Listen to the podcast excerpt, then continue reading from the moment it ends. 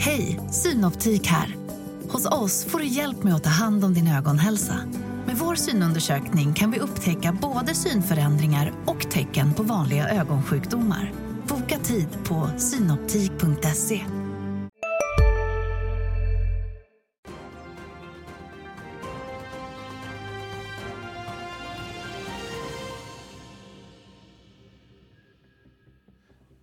är måndag och det är Labour Day borta i USA. Det markerar stängda börser i Nordamerika och slutet för vita byxor, linnekostymer och sommargarderober.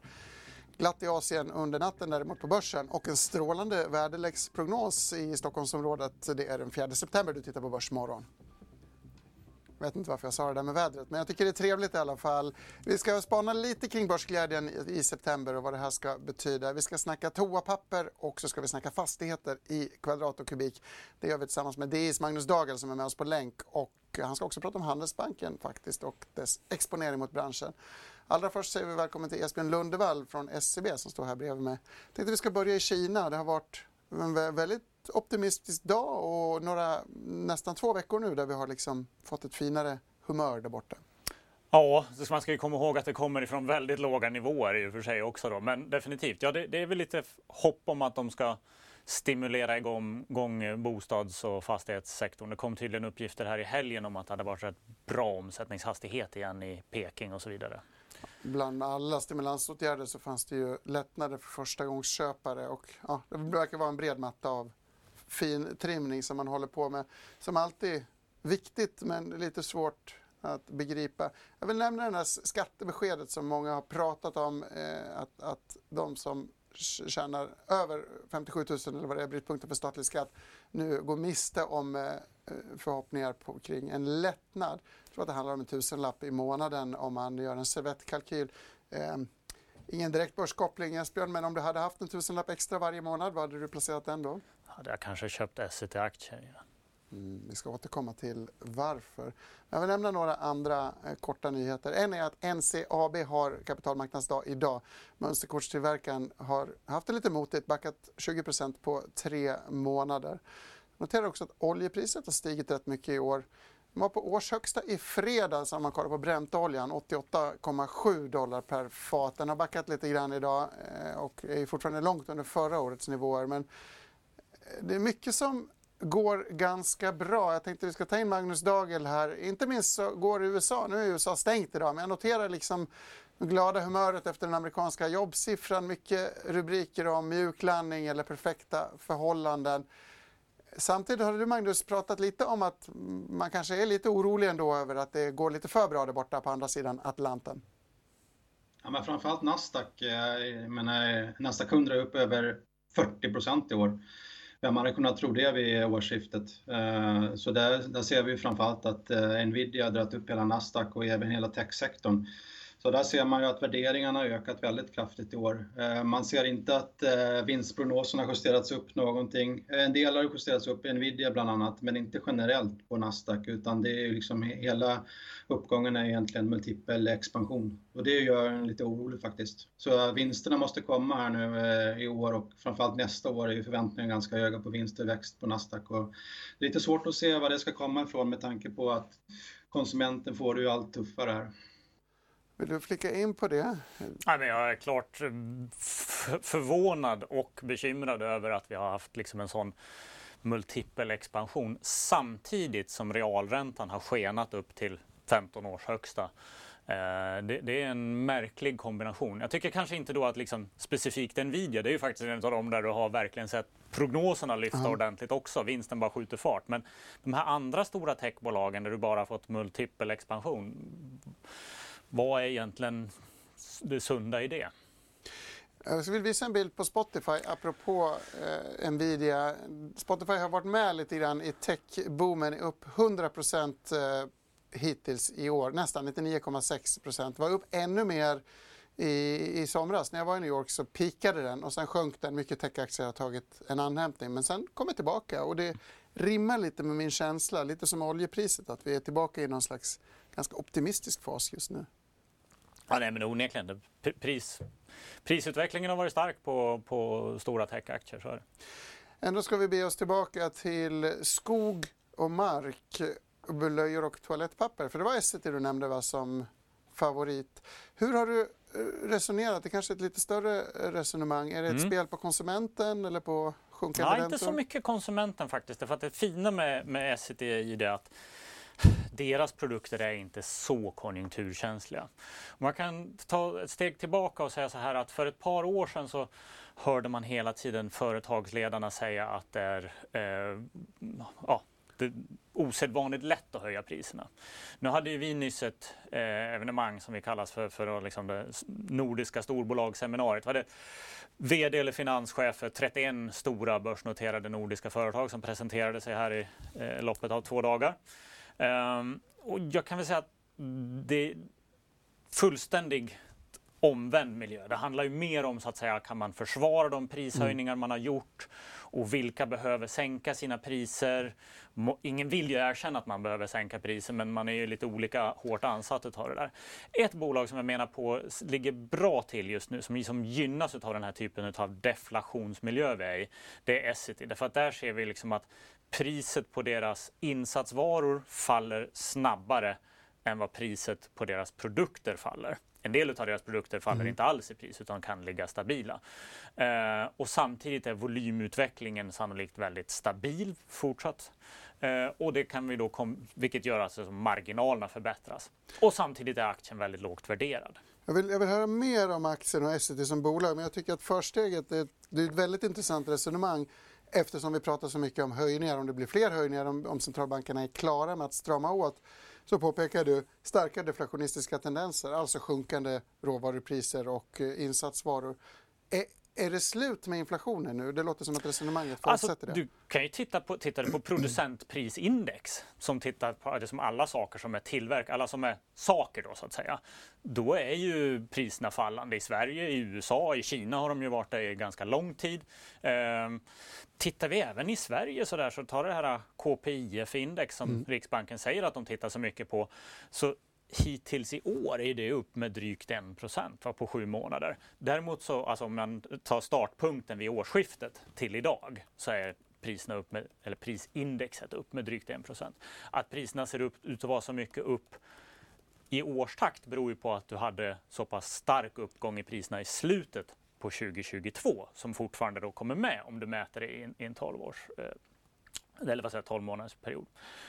En annan sak är om du tittar i USA, så där räknar ju finansmarknaden med att Fed kommer att bomma 2% målet på, på undersidan som det här diagrammet visar då 12 månaders framåtblickande eh, mm. inflationsförväntningar. De ligger på ungefär 1,4 procent nu. Så att eh, det finns väl mycket som pekar mot att, att eh, mycket av inflationsproblematiken är, är bakom oss. Tyvärr har det ju inte resulterat i att centralbankerna säger det eller beskriver verkligheten på det viset. Utan räntorna har ju faktiskt fortsatt uppåt och det har ju resulterat i att vi har fått kraftigt höjda realräntor som jag nämnde här förut. Att liksom, realräntor upp och sen börs ändå upp. Det är en lite ovanlig kombination som är ja, lite läskig tycker jag. Det låter som att centralbanken alltså inte har fattat om man ska vara lite elak. De hänvisar ju till då trögrörliga saker relaterat mm. till arbetsmarknaden, relaterat till tjänster och så vidare. Eh, kanske har de rätt. Kanske blir det som när de för två år sedan sa att det här är en tillfällig puck som strax går över. Kanske blir det lika genial, genidrag som när man körde minusränta och kvantlättnader i högkonjunkturen här förut. Det återstår väl att se, men, men visst, liksom, det finns ju, en, finns ju en risk i det här i alla fall.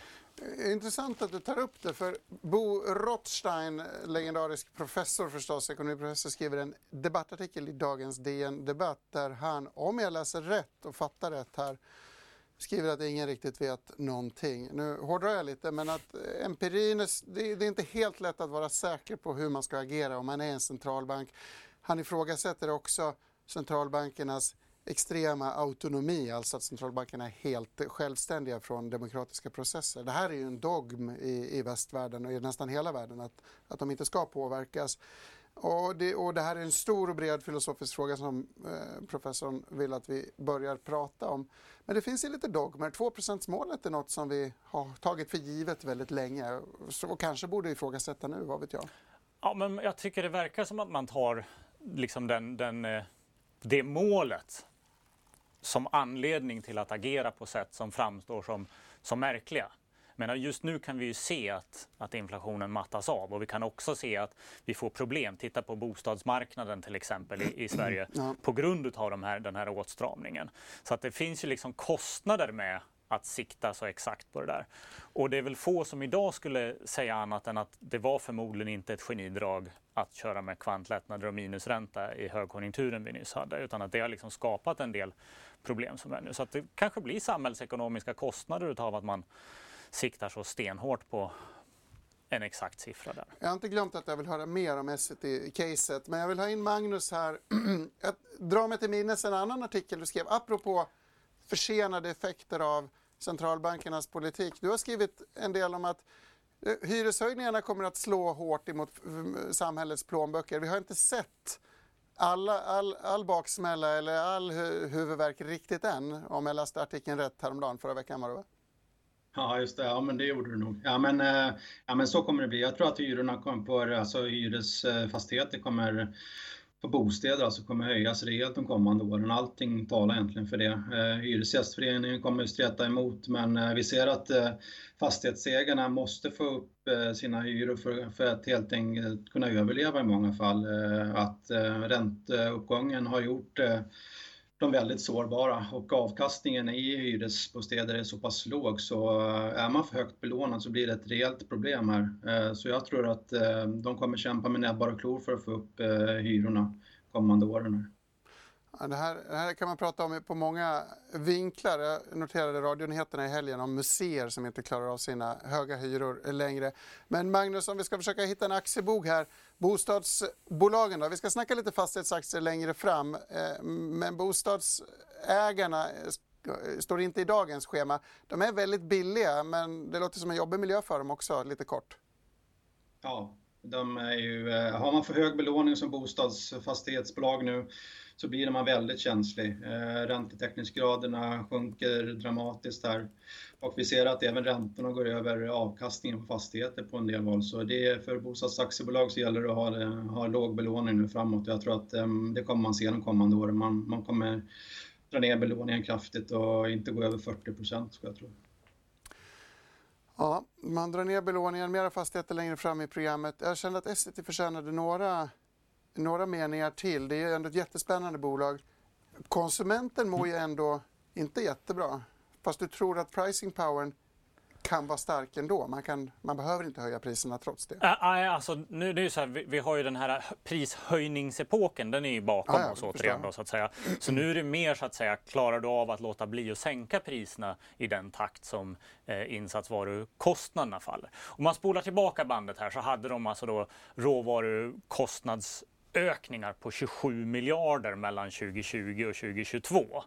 Och nu har den där vinden vänt och massapriset, ja det kanske börjar stabiliseras men det är fortfarande mm. på, på väg neråt i, i deras inköp då så att säga. Plastpriser har kommit ner och transportkostnader, energi och naturgas och en massa andra saker som de använder i sin eh, produktion där kommer ner ordentligt. Och en del av det där kommer man alldeles säkert att behöva skicka vidare till, till kunder i form av prissänkningar. Men en del av det kommer inte att behövas göras.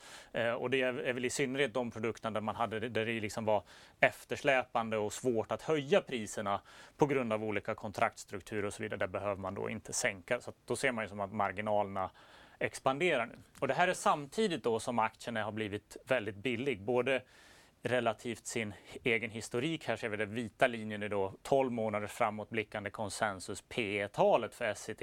Och den har egentligen aldrig varit så billig som den är nu mm. sedan separatnoteringen från SCA. Eh, och den gröna linjen där är deras ärkerival då Kimberly Clark. Så att även rabatten emot eh, närmaste jämförelseobjektet är historiskt eh, stort. Och dessutom så de själva, jag lyssnade ju nyss på en presentation i, i den här gruppen av bolag som jag nämnde som hade presentationer så var ju Essity med. Och de är väldigt tydliga med att de vill till sitt mål på över 17 procents räntabilitet på sysselsatt kapital. Det finns ingen som tror det, ingen som har det i sina prognoser. På våra prognoser når de 15 procents räntabilitet. Aktien är billig på det också då med P12 ungefär. Når de sitt mål då kanske det är P10 snarare. Ehm, och som sagt, jag tror den är rätt i den här både deflationsfasen och konjunkturfasen. Um, sammanfattar jag, med, jag sammanfattar det med att man har styrkan att inte behöva sänka priserna mot kund men priset på aktien har sänkts till attraktiva nivåer. Jajamän. Jag tyckte jag fick till det där. Ja. Hörrni, två andra små nyheter vill jag nämna. Forskningsbolaget Synact Pharma uppnådde inte sitt primära mål i en studie, Expand-studien, eh, fas 2b. Där utvärderades läkemedelskandidatens, läkemedelskandidaten Resomelagon hos patienter med svår aktiv nydiagnostiserad ledgångsreumatism. Tråkigt förstås. Eh, vi noterar att DNB rekommenderade aktien eh, så sent som häromdagen. Hexatronic har slagit till med ett förvärv, ett mindre förvärv i en snabbblick. AstraZeneca har också, det är jobbigt med hälsovårdsnyheter för jag kan inte uttala dem, men AstraZeneca meddelar att Calquence har godkänts i Kina för blodcancersjukdomen kronisk lymfatisk leukemi. Det här är ett läkemedel som har varit godkänt i många andra delar av världen tidigare. Med det så noterar vi att klockan har slagit nio, dags för att gå till Studio 2 och börsöppning.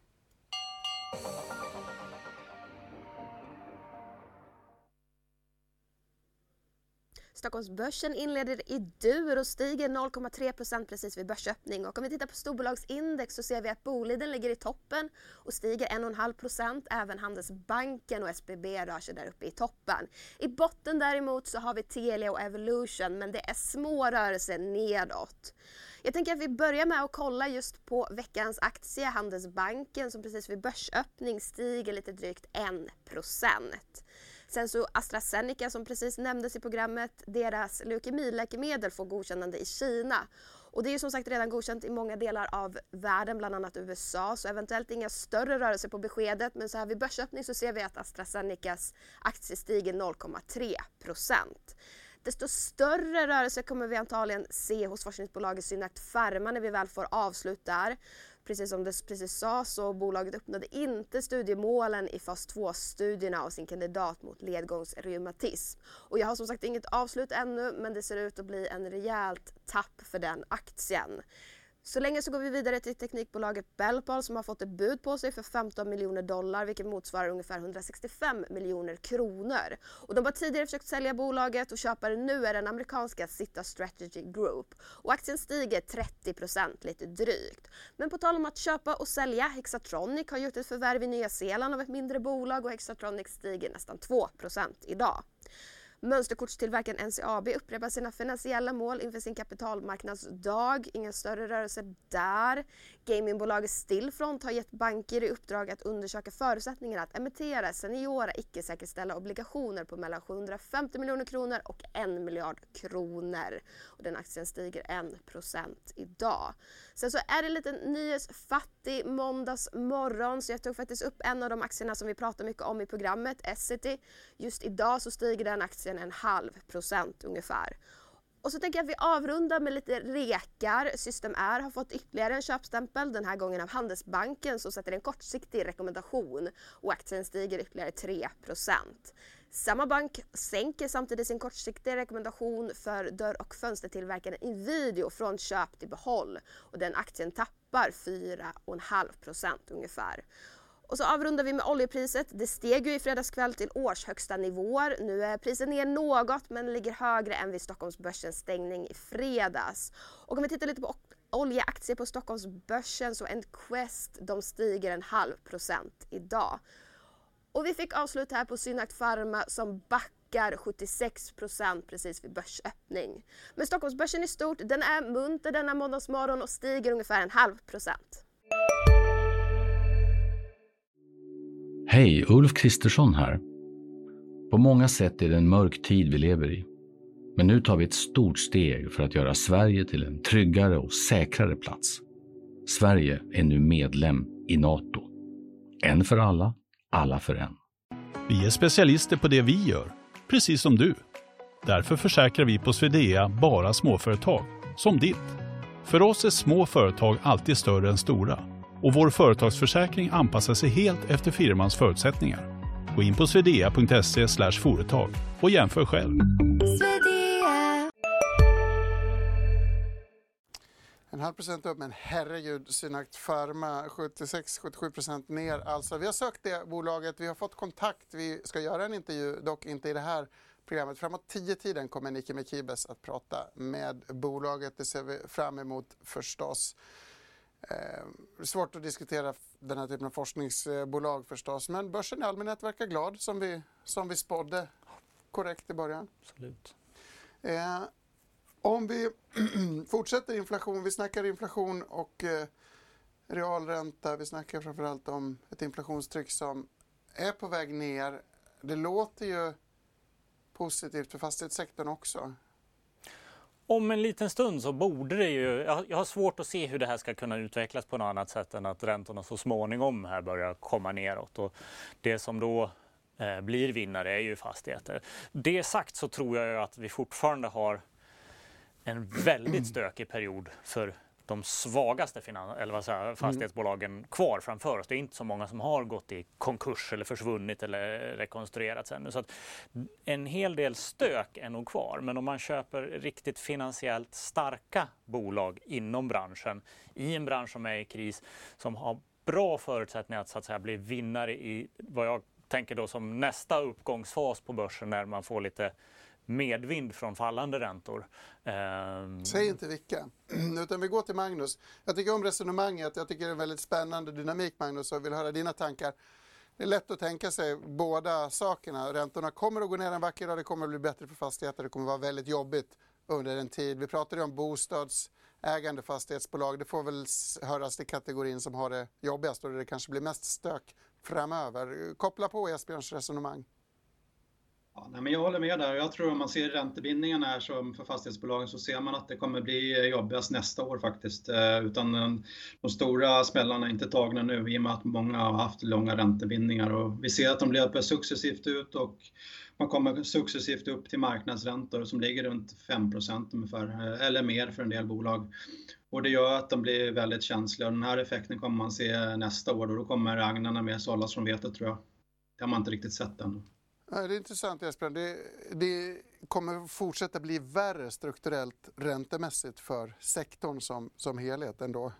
Det, det säger ju inte emot Nej, ett resonemang absolut, på något sätt. Absolut men... inte. Alltså i, i det korta perspektivet så, så ja, det låter kanske jag ska kanske inte säga liksom blodbad, men lite grann sådär liksom urskakning behöver vi antagligen ha fortfarande utav finansiellt mm. svagare mm. företag. Den, den, den, har vi inte riktigt fått ännu. Man har kanske fått det på aktiekurserna en del, men eh, inte fullt ut och vi har inte riktigt sett det. Men sen ska man komma ihåg också en grej och det är ju det att börsen är en diskonteringsmaskin så den blickar ju hela tiden framåt. Jag såg ett resonemang från, jag ska inte säga vilken, men det var en annan bank som hade skrivit en, en BÄS-rapport på eh, fastighetsbolag och mm. menade då på att även om räntorna går ner en ja, så hade de räknat på lite olika hur mycket räntorna skulle kunna gå ner då. Liksom, även om räntorna går ner massor så kommer resultat, eller liksom driftresultatet om man tar från fastighetsförvaltningen, driftnetto minus räntekostnader egentligen, det kommer att vara fallande även om räntorna går ner.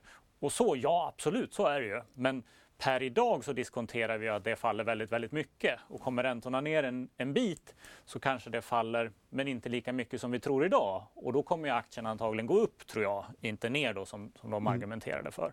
Så att det ska man komma ihåg att börsen är hela tiden en diskonteringsmaskin eh, som blickar framåt. Och, och, när det börjar lätta lite grann så kan nog de som kan förväntas överleva bli vinnare i alla fall. Och då ska man vara tidigt inne i rätt namn. Jag vill ändå hålla cliffhangern här lite grann. Ursäkta. och gå till Magnus igen. Och innan, vi, innan vi pekar ut de här starkare eh, spelarna. Vilka har det värst då? Vi har skrivit om Fastator, du har skrivit om Heimstaden. Det är väl två lågt hängande frukter om man ska peka på de som har det jobbigt på börsen i, i närtid, Magnus. Ja, de du, de du nämnde där, de som har expanderat väldigt snabbt de senaste åren helt enkelt, det, det är de som har det jobbigast nu. Vi ser Heimstaden har expanderat vilt, vi ser även Fastator som du nämnde där, SBB och given, eh, vi ser även KRM också, också expanderat eh, väldigt kraftigt och här ser vi i många fall att ägarbolagen också har tagit ut stora lån. Eh, så det gör att de blir väldigt känsliga i dubbla led här. Eh, och det kommer förvärra situationen, att inte, att inte huvudägarna kan ställa upp helt enkelt med och, täcka in för de här bolagen när de har problem. Så det där kommer bli en eh, följetong tror jag, kommande året. De tittare som har svårt att hänga med med de här lagren, vi har pratat mycket om SBB där Ilja Battlen Invest var ett topp, ett ägarlager med egna obligationer och lån och sen ett rörelsedrivande fastighetsbolag med egna obligationer och lån. Det här finns det flera exempel av på börsen. Sen finns det dotterbolag med egna obligationer och lån också. Mycket att hålla koll på. Det låter verkligen som att man ska göra sin hemläxa här. Och nu kan du väl berätta vilka Ja, nej men, Vilka eh, du gillar bäst? Mina favoriter då som vi lyfter fram som både har det att de är stora och relativt stabila och relativt likvida aktier då. Castellum och Balder. Och jag säger inte att de inte kommer att få det eh, liksom skakigt också, att de får, har en motvind framför sig från, från ränteut, mm, alltså när räntor ska rullas och så vidare. Men eh, vi tror att de helt klart har position att de ska ta sig igenom det här.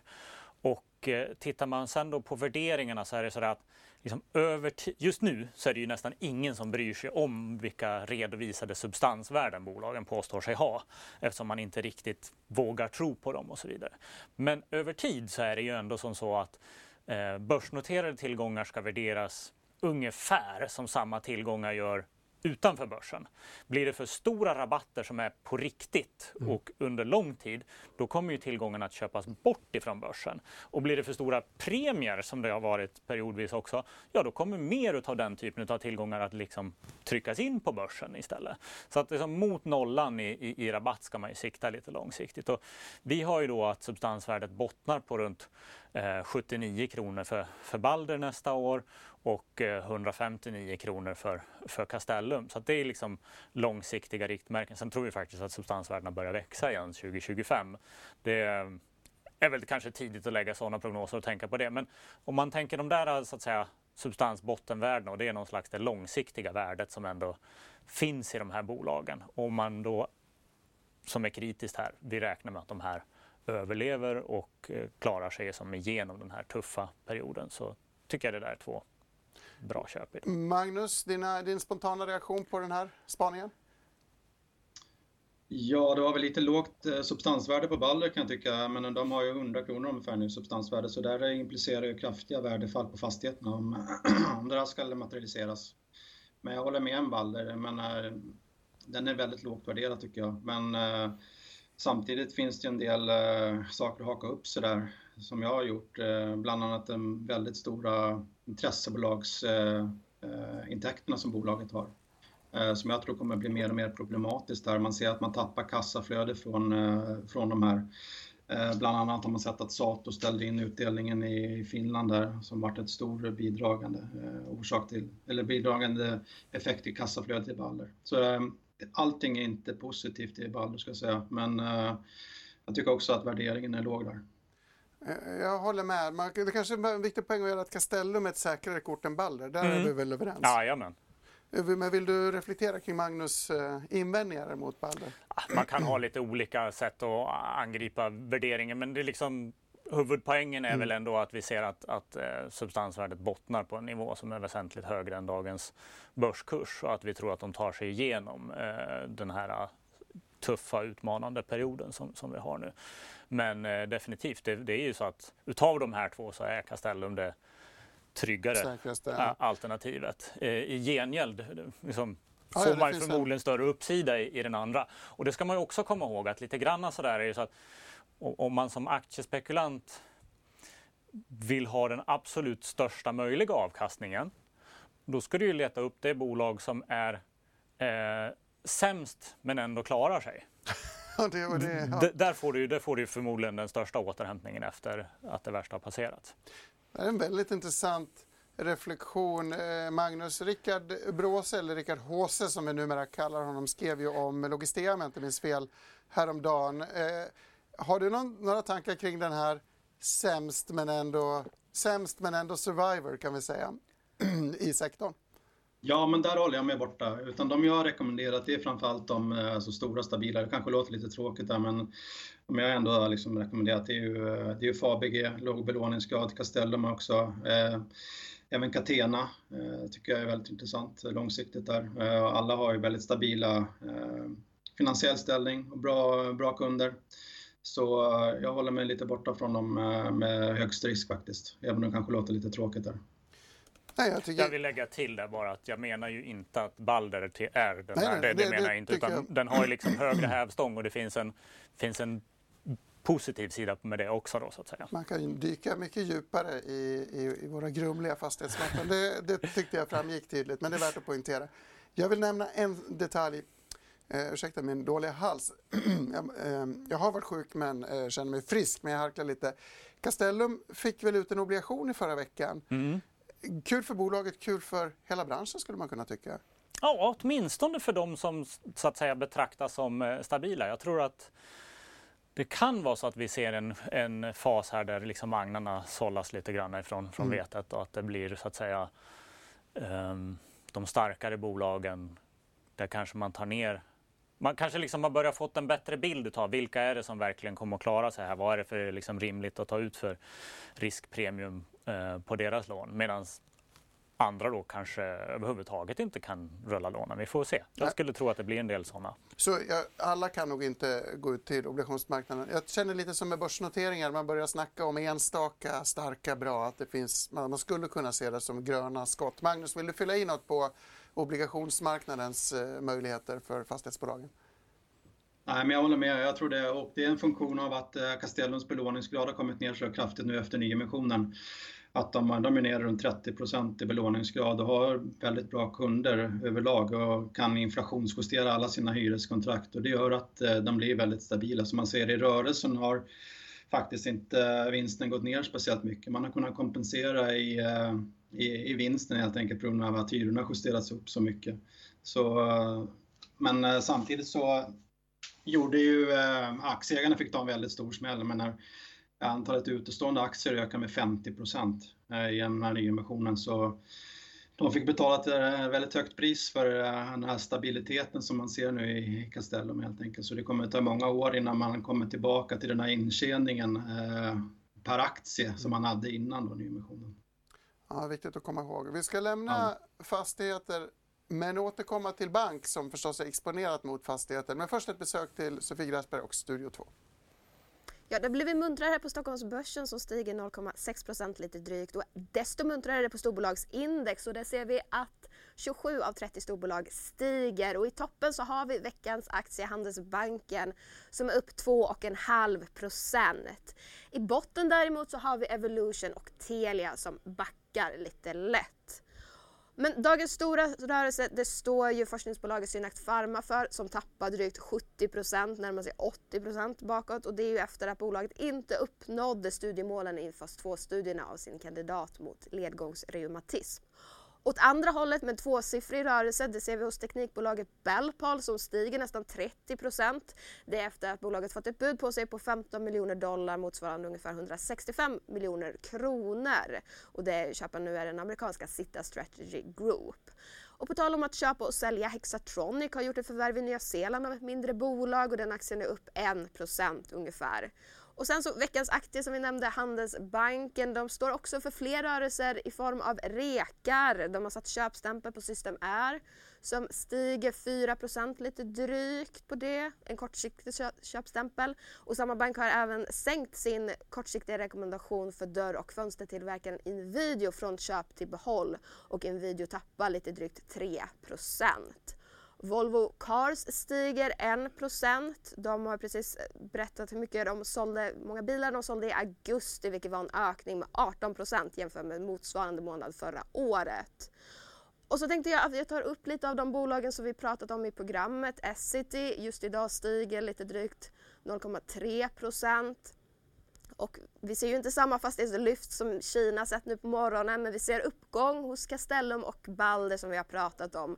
Castellum upp lite drygt 1 och Balder närmare 1% Men som sagt, Stockholmsbörsen i stort den är lite munter nu på måndags morgon och stiger nästan 0,7 inte illa. En måndag som inte är mulen. Vi har sol. Däremot väldigt mycket mygg runt om i landet, vilket vi i studion förstås vill beklaga. Eh, men roligt att sommaren kommer till slut. Roligt med stigande börser.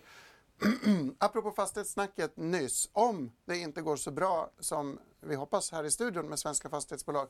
Även om SBB var inne på att det kommer bli turbulent förstås för sämre aktörer. Så har det ju länge pratats om en oro att detta ska smitta över till bankerna och den oron har gällt Handelsbanken särskilt.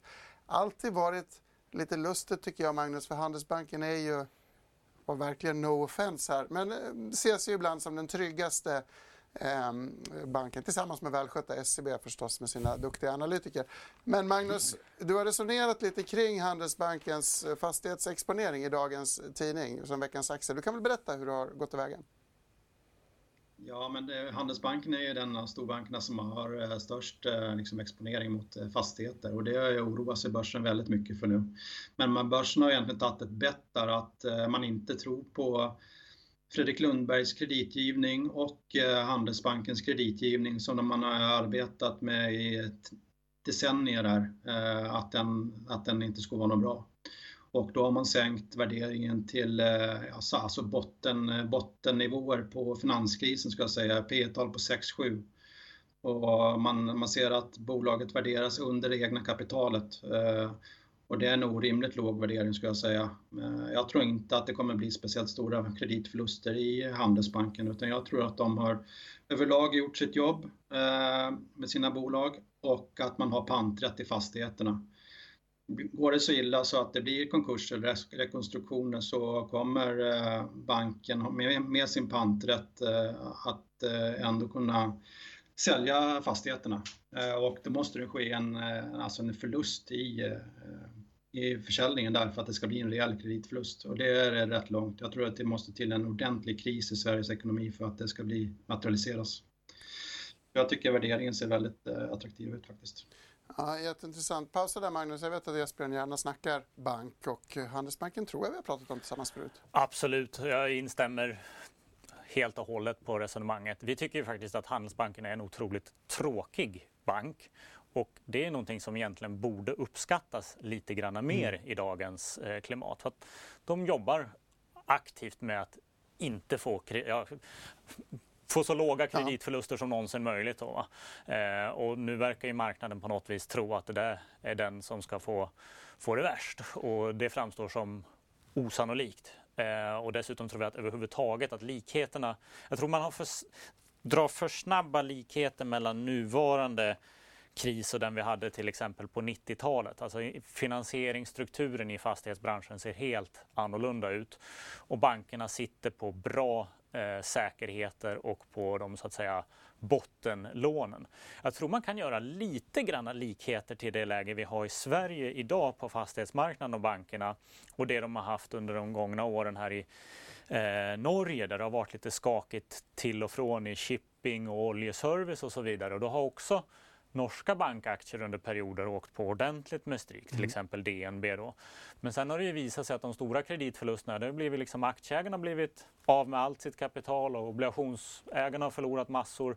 Men bankerna har suttit med bottenlån och fartyget i pant och kunnat liksom få en väldigt begränsad smäll utav det där. Och precis likadant ser det ut fast kanske ännu mycket bättre då i, i, i de svenska bankerna nu och, och fastighetsbranschen. Jag tror Handelsbanken där. Eh, tror du kan vara rätt trygg med att det blir runt 9% direktavkastning per år de närmaste åren. Det är eh, otroligt för en så trygg rörelse. Väldigt. Om man tror ja. att, att Handelsbanken är trygg. Jag tycker det är väldigt fascinerande att det finns att, att den här banken, just den här banken plötsligt är den mest eh, riskprissatta eh, mm. av, av, alla. Eh, kort ord om, om de andra bankerna. Jag vet att du är förhindrad att prata om din egen, men Eh, vad, hur ska vi bedöma bankvärderingarna generellt? Är de i samma riktning som HB fast inte riktigt lika nedpressade? Allihopa är ju, är ju billiga och sen så ser vi då ett, ett operationellt momentum som är lite grann bättre, eller liksom själva affären verkar ju utvecklas lite grann bättre för Nordea som väl också har lite mera sådär företagslånorienterad mm. verksamhet. Eh, och, och, Swedbank är ju väldigt, väldigt billig och där har man ju den, den här som vi ser som en potentiellt positiv katalysator när man så småningom får bort osäkerhetsmomentet kring amerikanska eh, böter och sådär. Men allihopa är, är billiga.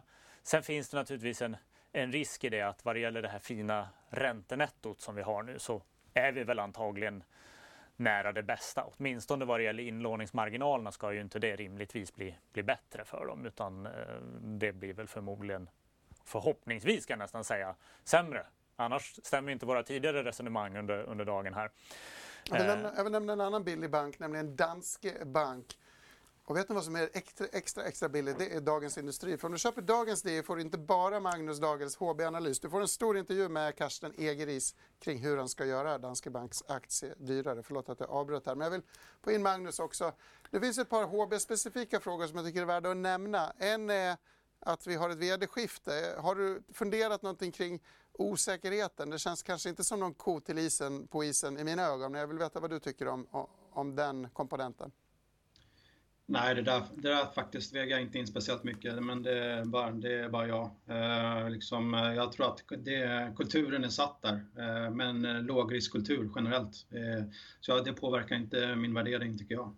Är, är kulturen ett problem? Banken präglas av en gammeldags, eller en skynda långsamt-kultur kan man väl säga. Är, är den kulturen på något sätt kontraproduktivt för att få folk att förstå att Handelsbanken borde vara värt mer? Krävs det nya grepp i banken? Ja, men det är ju, tycker jag intressant att ta upp. Eh, det är ju bra operativt att man är så försiktig, men jag tror att på, ser man på aktien så är aktien på samma nivå som för fem år sedan och vi ser att värderingen blir bara lägre och lägre. Så jag tror att styrelsen måste eh, liksom ta tag i det här att eh, om man verkligen vill få upp värderingen, om man visar, liksom, om man vill verkligen hjälpa mindre ägare, då måste man prova nya grepp. Alltså dela upp utdelning skulle kunna vara ett testa ett, att man gör kontinuerliga aktieåterköp som jag pratar mycket om i Swedish Match till exempel, att man köper tillbaka 2-3% av stocken varje år i 10 år. Det skulle sätta enorm fart på aktien. Så man skulle gärna vilja se att styrelsen eh, provar grepp, nya grepp för att få upp värderingen. Det, det kanske är någonting som ligger då i fatet skulle jag säga. Ja, Per Boman, om du tittar så sätt igång med nya grepp. Vill du flika in på den kulturella frågan? Ja, vi är lite besvikna att de inte passade på att göra någonting i Norge nu när Danske sålde sin verksamhet där. Alltså att det, det, det är liksom nackdelen med den här väldigt, väldigt låga risktagandet i allting, att de inte verkar våga hugga och göra någonting. Och man kan ju egentligen ifrågasätta hela den norska verksamheten. Vad har de för vad har de för plan med den? För, för, för den eh, är inte lika fin tycker vi som den svenska. Ja, mycket intressant resonemang tycker jag eh, om både fastigheter och bank. Klockan är 09.26. Vi ska runda av dagens sändning. Magnus Dagel, Dagens Industri, Jesper Lundevall, eh, SEB och förstås jag, Gabriel Mellqvist. Tackar så mycket för oss. Som sagt så har vi eh, en sändning klockan 10 med dagens stora förlorare och vi är åter klockan 14 i Börskoll förstås. Häng med oss då och här igen imorgon bitti samma tid, samma kanal. Vi ses då, ha det gott!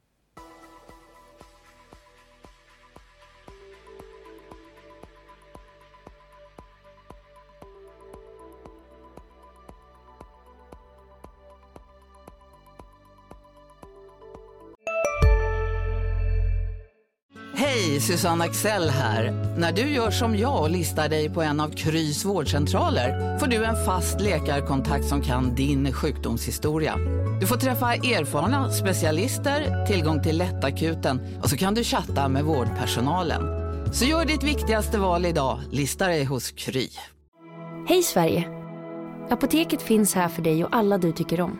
Nu hittar du extra bra pris på massor av produkter hos oss. Allt för att du ska må bra. Välkommen till oss på Apoteket.